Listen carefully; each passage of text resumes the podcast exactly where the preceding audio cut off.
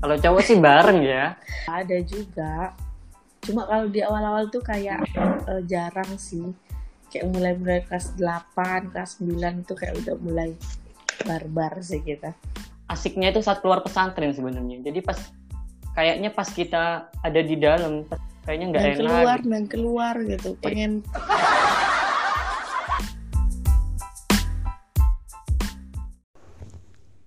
Assalamualaikum warahmatullahi wabarakatuh.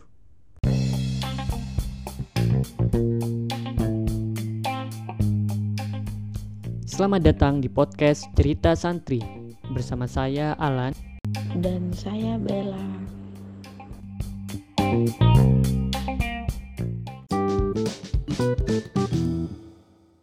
Putin gitu kan. Iya, sebenarnya sih biasa yeah. aja ya. Mungkin yang di luar sana kalau pengen masuk akselerasi aku pikir gak usah takut lah. Tapi ya memang ada yeah, plus minusnya yeah. lah. Mungkin akselerasi kan masuknya full day dari jam dari jam 7 sampai jam 3 jam apa jam, jam 4, 4 ya cai.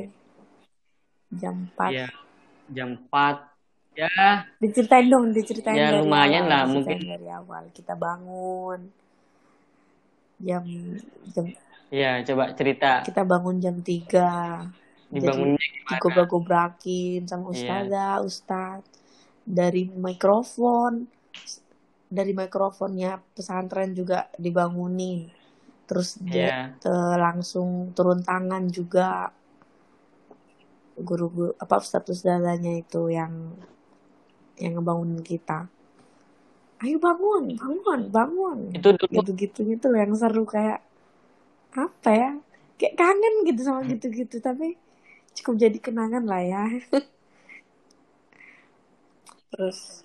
Itu kamu termasuk orang yang susah, susah dibangunin, dibangunin apa enggak? beneran. Jujur aku susah dibangunin. Dan masih kalau orang-orang udah pada bangun tuh udah berdiri semua anak-anak aku yang paling terakhir biasanya. Aku sih rajin ya. Iya kalau kamu rajin. Aku orangnya baik Iya. terus lanjut, lanjut, terus, lanjut. terus dibanguninnya pakai apa? Pakai itu apa? Kadang pakai kain. Terus kadang pakai sajadah. Oh, oh. Terus kadang pakai apa ya? Semprot, disemprot air dong. Semprot air, disemprot-semprot iya, sama air terus biar kita bangun. Sampai selimut tuh basah semua. Seru ya kalau ngeting dulu. Dan itu berkali-kali ya. Dari jam 3 suara Al-Waqiah mematohari kumandangkan sampai jam 4 setengah 5. Gara-gara orang yang nakal-nakal. belum lagi belum lagi habis dibangunin masih ngapain terus itu masih mandi tapi dulu. Aku, tapi aku kalau aku mandinya, mandinya itu sih setelah dari masjid aku baru mandi kadang iya. kadang kalau nggak gitu uh, diem-diem kayak ngambil-ngambil waktu ketika selesai subuh yang kalau masih nunggu Pak Yai buat ngaji kitab Fathul Qorib ya namanya ya ya itu nyempetin yeah. mandi dong ke kadang ke apa namanya iya. ke asrama nyempetin mandi sebentar biar nggak biar nggak ngantuk ceritanya lagi. tapi kalau tapi kalau misalnya males mandi gitu benar-benar ngantuk. Terus ya yang bikin lucu tuh ya kalau udah habis sholat malam kan sholat subuh kan kita kan sholat subuh. Terus tuh baca kitab kan sama Pak iya. Yai. Baca kitab. Kalau misalkan yeah. tiduran ketahuan sama ustadz ustazah pasti disuruh berdiri. Ya nggak sih pernah nggak kamu ngerasain berdiri waktu? Kayaknya sih kalau pas awal-awal sih kayaknya masih belum ya.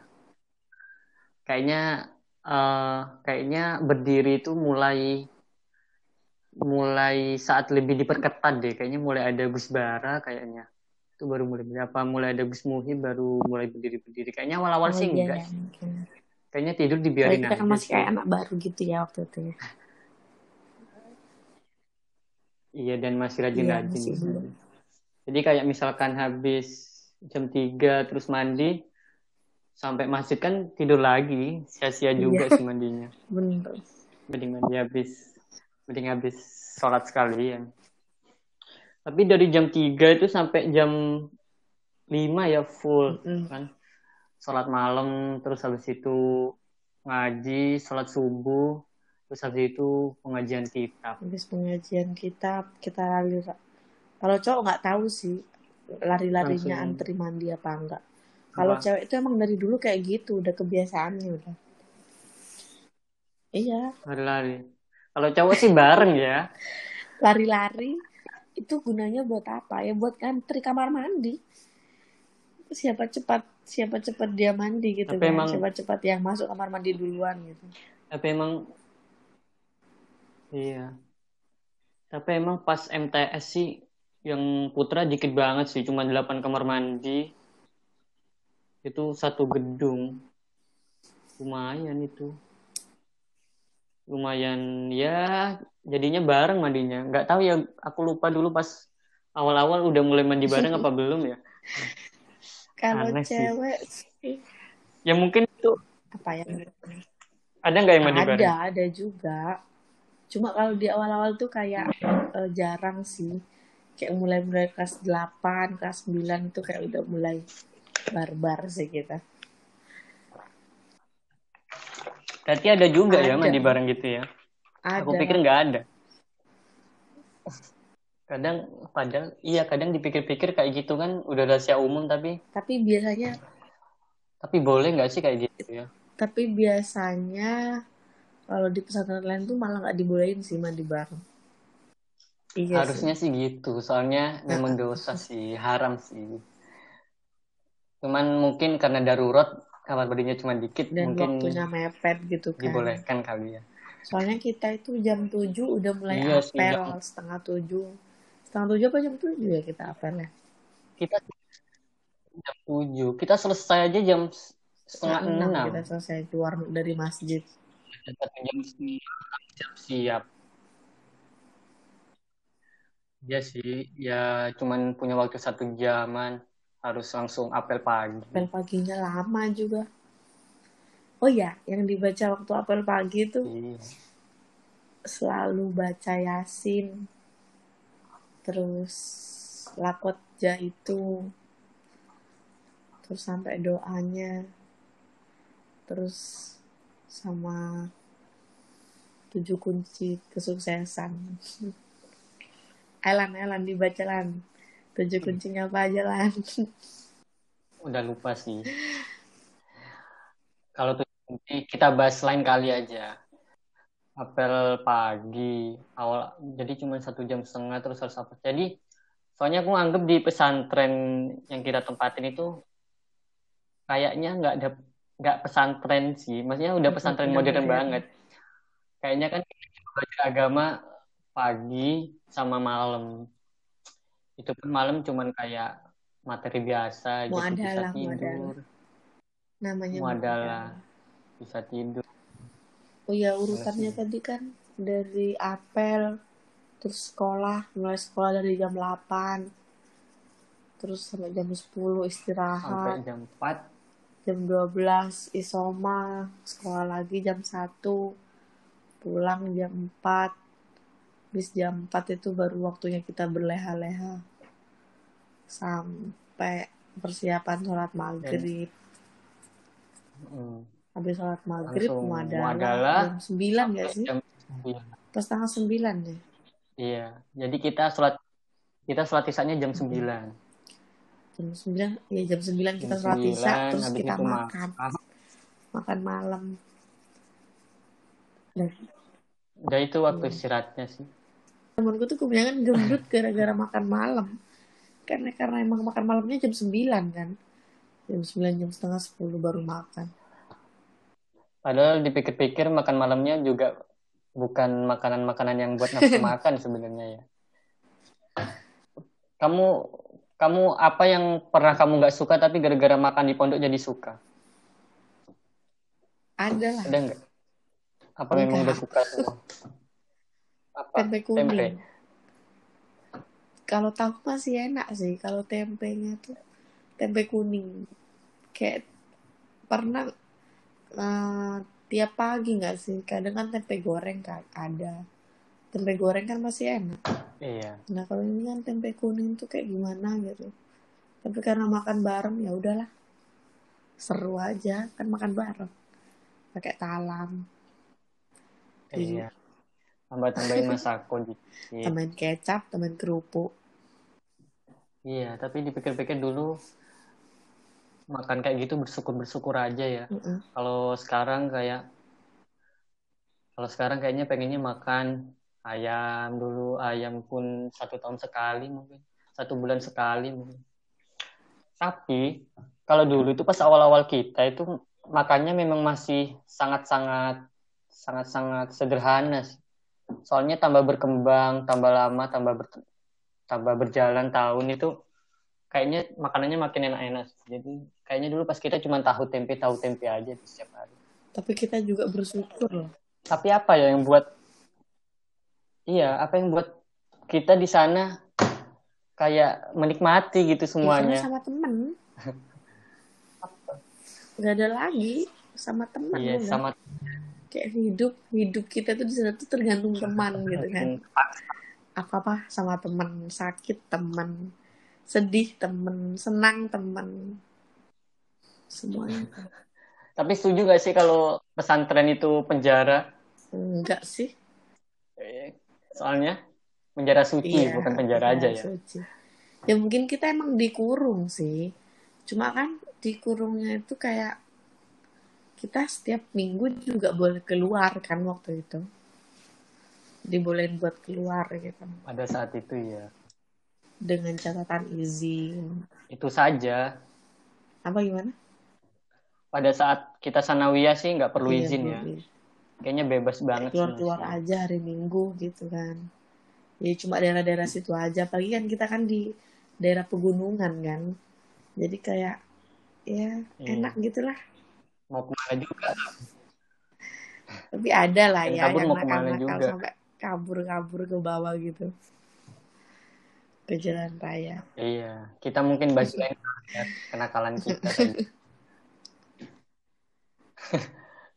dari yang ketahuan ketahuan nggak sholat lah ketahuan keluar lah. Banyak lah cerita-cerita yang kayaknya pas dulu itu menyakitkan tapi pas sekarang kayaknya seru. kangen gitu seru gitu. emang kayaknya sih yang membuat pesantren itu asik itu memang yang pasti punya teman banyak terus habis itu uh, mandiri iya, ya kemandirian itu kelihatan banget terus sama uh, gimana di pesantren itu rasa syukurnya itu benar-benar di di pupuk gitu jadi karena memang adanya cuman itu ya jadi Udah. jadi bersyukur aja tapi kita ya. bersyukur sih lan soalnya dan di atas atas kita tuh kan banyak yang apa ya banyak kelas yang lebih menyedihkan daripada kita pastinya. Karena kita kan angkatan 6. Iya. Angkatan 6. Iya, termasuk angkatan yang muda tapi masih masih ngerasain gitu. Baru berkembang lah kayak. Hmm, kita di antara di tengah-tengah antara ya, revolusi benar. lah. Dari dari kita kayaknya mengikuti perjalanannya tuh mulai dari awal santai terus tiba-tiba mulai agak ke atas agak ketat agak ketat mulai memperbaiki kayaknya di zaman iya, kita bener, sih bener. anunya di zaman kita dulu tuh aku kalau ingat ceritanya hmm, apa ingat ceritanya dari kakak kelas tuh yang angkatan pertama tuh kayaknya dulu masih apa ya bener-bener ngikut apa ngikut ngebangun pondok juga Iya. Oh iya, nggak tahu tuh aku Wah. ceritanya. Iya, dulu angkatan per generasi Iya, pertama. generasi pertama tuh masih ikut-ikut ngebangun pondok. Bukannya generasi pertama di Surabaya ya? Enggak, di Pacet. Oh. Di Pacet. Ikut ngebangun. Berarti Pacet itu udah enam tahun ya? Waktu kita anu Pas ya. kita mm -mm. Iya. Iyalah, udah generasi. Itu gimana? Apa? bangunnya gimana? Iya, ngikut-ngikut nyemen gitulah. Oh, Dari generasi pertama iya tuh sih. ceritanya. Tapi memang biasanya cerita-cerita pesantren-pesantren lain kan nggak gitu. Deket Ya. sama kiainya, terus habis itu bantu-bantuin. Tapi kayaknya kalau di kita sih lebih lebih modern ya. Iya. Jadinya lebih. jadinya memang lebih tertata, lebih rapi kegiatannya. Terus juga eh, ini sih kayaknya mungkin orang-orang yang pengen masukin adiknya atau keluarganya ke pesantren, kayaknya jangan karena nggak kuat ngedidik. Soalnya banyak tuh yang kayak gitu. Orang masuk pesantren dimasukin karena orang tuanya nggak kuat mendidik atau mungkin nggak ada orang tuanya kayak gitu. Lebih ke niatnya kayaknya harusnya jangan kayak gitu sih. Lebih diniatin biar anaknya disiplin. Nah ini biasanya itu kan pas awal-awal masuk pesantren itu kadang orang tuanya yang nggak tega itu gimana caranya ya? Dulu orang tuamu gimana? Orang tuamu kayak udah membiarkanmu gitu. Ya karena emang udah disuruh kan, udah di emang dari keluarga kebanyakan kan pesantren semua, jadi ya Iya sih. ya suatu keharusan lah, ya tega-tega aja, soalnya kan udah selesai SD. masalahnya keluarga kita kan memang keluarga pesantren. Tapi biasanya nih Mm-mm, jadi terbiasa gitu. Eh, yang temennya adekku yang orang Bawean juga dia masuk pesantren. Itu orang tuanya yang nggak tega orang tuanya yang nangis. Orang tuanya yang nemenin di pondok dulu selama satu minggu terus baru ditinggal. Anaknya nggak pengen pulang orang tuanya yang nyuruh pulang orang tuanya yang kangen. Tapi memang ya mungkin karena kita belum merasakan jadi orang tua ya. Tapi yang pasti Iya. ya nggak perlu takut lah dimasukin ke pesantren dan ya carilah pesantren-pesantren mungkin yang yang bagus Mungkin orang tua yang mikir kayak gitu kan karena kasihan kan, kasihan. iya karena ngebayangin Apa harus sendiri gitu gitu. iya betul karena ngebayangin apa yang orang-orang ceritakan gitu harus mandiri harus makan. Belum lagi belum lagi kalau misalkan denger cerita kalau misalkan lagi tengkar sama temennya, ntar gimana gitunya. itu kita bahas nanti lain kali. Aib-aib pesantren itu banyak banget sih. Mulai dari diri sendiri yang nakal-nakalnya diri sendiri kayak gimana. Mungkin kita bahas lain kali aja. Kayaknya udah cukup deh ya. Masuk Intinya pesantren mondok tuh asik lah. Intinya keluar saat keluar pesantren asiknya itu saat keluar pesantren sebenarnya jadi pas kayaknya pas kita ada di dalam pas kita masuk di proses itu di sistem itu Belum. mungkin kita merasa ah kita pengen keluar deh kayaknya nggak enak keluar gitu. dan keluar gitu. Pengen pengen yang lulus, pengen yang lulus.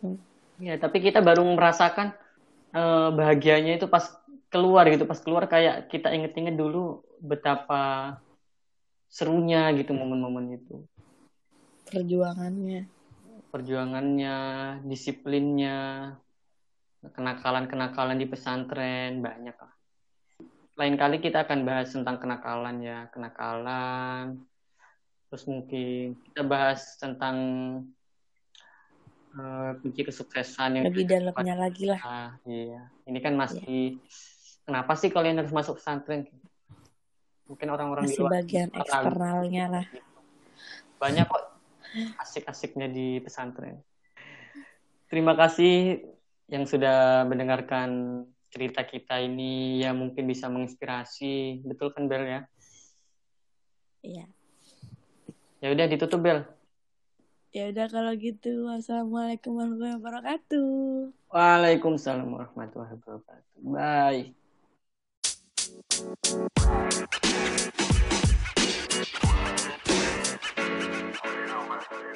you know, man.